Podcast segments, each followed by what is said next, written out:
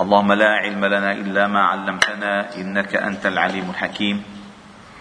علمنا اللهم ما ينفعنا وانفعنا بما علمتنا وزدنا علما. واجعلنا ممن يستمعون القول فيتبعون أحسنه. وأدخلنا برحمتك في عبادك الصالحين. ثم أما بعد فقد ذكر الإمام الترمذي رحمه الله تعالى في كتابه الممتع الموسوم بالشمائل المحمدية على صاحبها أفضل الصلاة والسلام والتحية رسولنا محمد صلى الله عليه وسلم ويذكر من شمائله ومناقبه وصفاته الخلقية والخلقية ما تجلي صورته في ذهن المسلم فيتعلق به محبة ويتعلق به اتباعا لأن الله جل جلاله جمع فيه كل الخصال الكملية. كيف جمع الله تعالى فيه كل كل الخصال الكملية؟ أولا عندما ترى آيات الله تعالى في الكون هذه الآيات سماها الله تعالى آيات لأنها تدل عليه. لأنها تدل عليه. والله جل جلاله خلق فسوى. وقدر فهدى فهذا هذا بالجمادات. هذا بالجمادات الذي لا عقل له بل هو بالجبلة هكذا يسير بأمر الله تعالى بتقديره وهو بمسيره كله يدل عليه. فما ظنكم بأحب الخلق اليه وأعلم الخلق به وأخشى الخلق له؟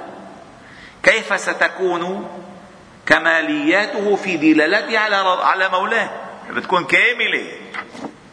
فلذلك كلما كلما أمعنت أمعنت النظر فيه في خلقه وخلقته تجد أن الكمال كله والجمال كله منشوران ليدلان معا على إحسان من خلق الله تعالى أحسن كل شيء خلقه.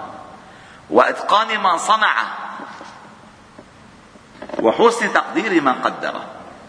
اولا لأن الله تعالى هذه يعني هذه شيء أسرار. دقيقة جدا يا أبو موسى. أسرار. لأن الله تعالى قال في كتابه في سورة الأنعام وإذا جاءتهم آية قالوا لن نؤمن حتى نؤتى مثل ما أوتي رسل الله. الله أعلم حيث يجعل رسالته. فما جعل الله تعالى رسالته إلا في الوعاء الكامل. إن جعله الله اختص رسالته بأن يكون في هذا المصطفى المختار الذي يدل أكمل الدلالة عليه بأشرف الوسائل إليه. هذا سر كبير. الله أعلم. حيث يجعل رسالته. فجعل رسالته مثلا حلق مثل كثير كثير بسيط. كثير مثل بسيط. لما بدك تأكل أنت مثلا شيء مهم. كيف تقدمه؟ بصحفة مهمة. مظبوط ولا لا؟ فالوعاء بدل على قيمة الموجود فيه. مظبوط؟ فإذا الله تعالى اختصه بأجل رسالات فحيكون بأكمل الكمالات. هيك هذا هذا المعادلة الأساسية. فلذلك كان الأئمة الكبار كانوا يهتمون بالشمائل. يهتمون بالمناقب بالمناقب ويهتمون بالدلائل. ليش؟ لأن ذلك يزيد المحبة ويزيد الأسوة والقدوة والاتباع. والاتباع يعني لك مثل أبسط من هيك أو أدق من هيك ما أبسط أدق من هيك. إذا الله جل جلاله إذا الله جل جلاله جعل شرط شرط محبته لك اتباع نبيه المرسل إليك. فما ظنكم بمحبة الله له؟ إذا جعل محبته لك باتباع هذا المحبوب إليه فما مقدار فما مقدار محبة الله له؟ تصور إذا أنت تتبع لك تتبع الشخص بحبك تبقى الشخص قد محبوب عند الله سبحانه وتعالى. لما بيعلق الله تعالى محبته هو لك على على اتباعك له. شيء لا لا لا يمكن يعني يستوعب عقل. محبة محبة. قل إن كنتم تحبون الله فاتبعوني يحببكم الله. فما ظنكم بمحبة الله له؟ كم هي؟ شعلة شعلة شعلة فلذلك بهذه الطريقة نحن ننظر إلى السيرة النبوية أو إلى الشمائل النبوية قبل قبل ما نفوت إلى السيرة. لأن نحن هلأ بدنا تكتمل الصورة عندنا. فإذا اكتملت الصورة تجلت السيرة. إذا الصورة ما كاملة لذلك بالسيرة ما فيك تفهمها للسيرة حقيقة إلا إذا اكتملت عندك كل زوايا الصورة. النبوية المصطفوية المحمدية عندك. تفهم ليش أكل هيك؟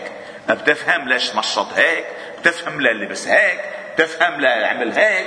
تفهم لأن الله جعل الله الكمالات فيه.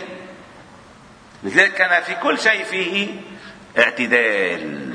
ليس بالطويل البائن ولا بالقصير الممغط اعتدال اعتدال. حتى ورد أنه كان إذا مشى مشى بين الرجال كان يرى كان يرى أنه أطولهن طولا. لأنه منه أطولهن؟ بس هيك. اعتدال سبحان الله. شغله كثير مهمه ف هذه أشياء يعني مهمه إن نلفت لكم نظركم إليها؟ مشان نعرف ليش عم نقرأ. وين من عاده العلماء الكبار كانوا في آه، آه، سنة من السنوات يعني كل فترة يجمعون الطلاب ويقرؤون عليهم الشمائل. فيزيد يزدادوا تعلقا بصاحب الرسالة. يفهموا كل شيء عنه. فإذا اكتملت عندك الصورة هيئت لفهم كمالات السيرة. الصورة كاملة؟ إذا السيرة واضحة.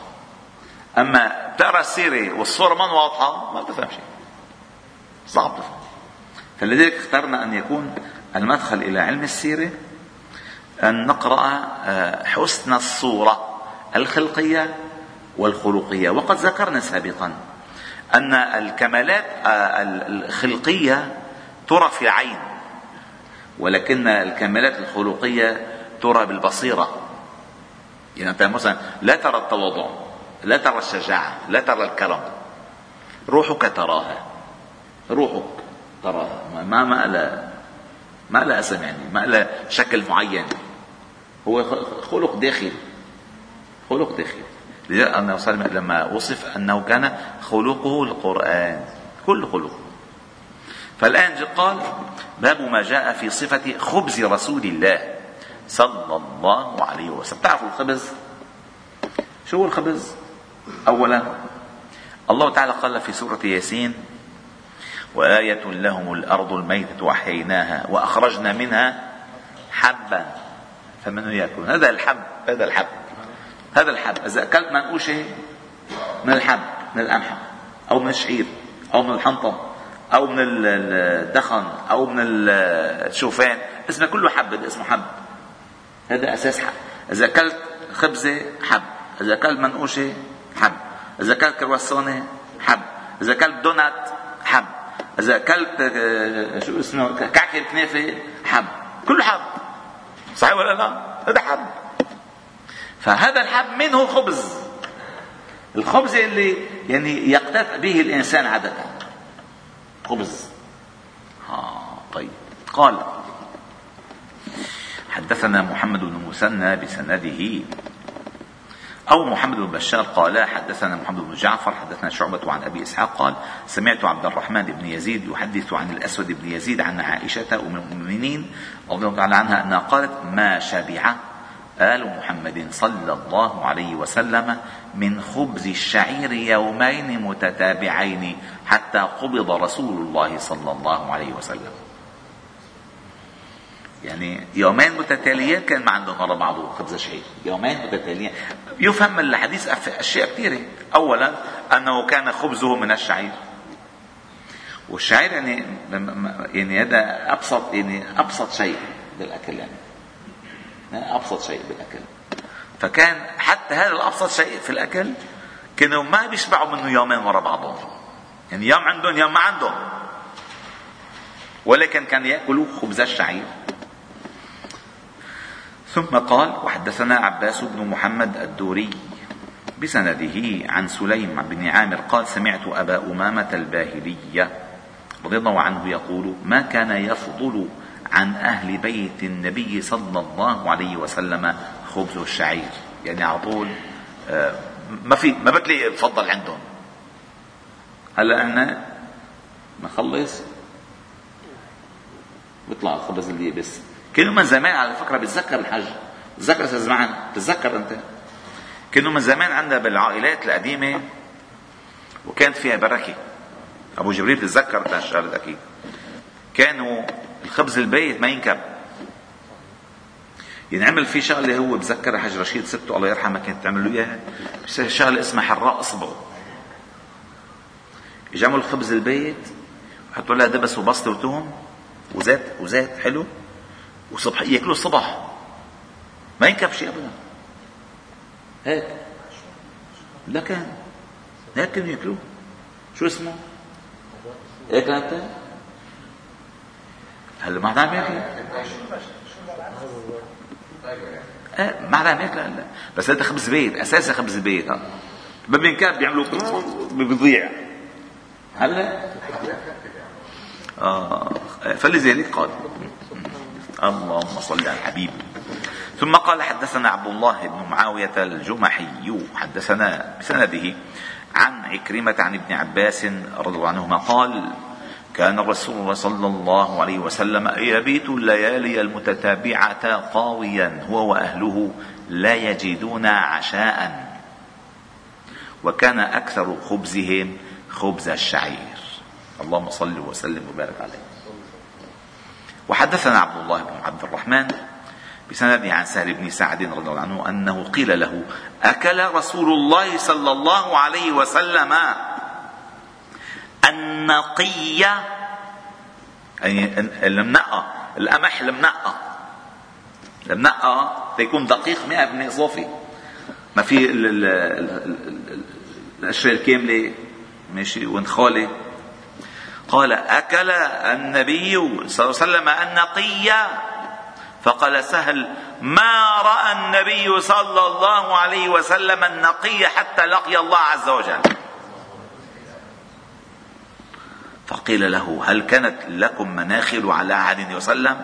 قال حتى ما كانت لنا مناخل فقيل كيف كنتم تصنعون بالشعير؟ فقال كنا ننفخه. فيطير منه ما طار ثم نعجنه. ما كانوا يخلو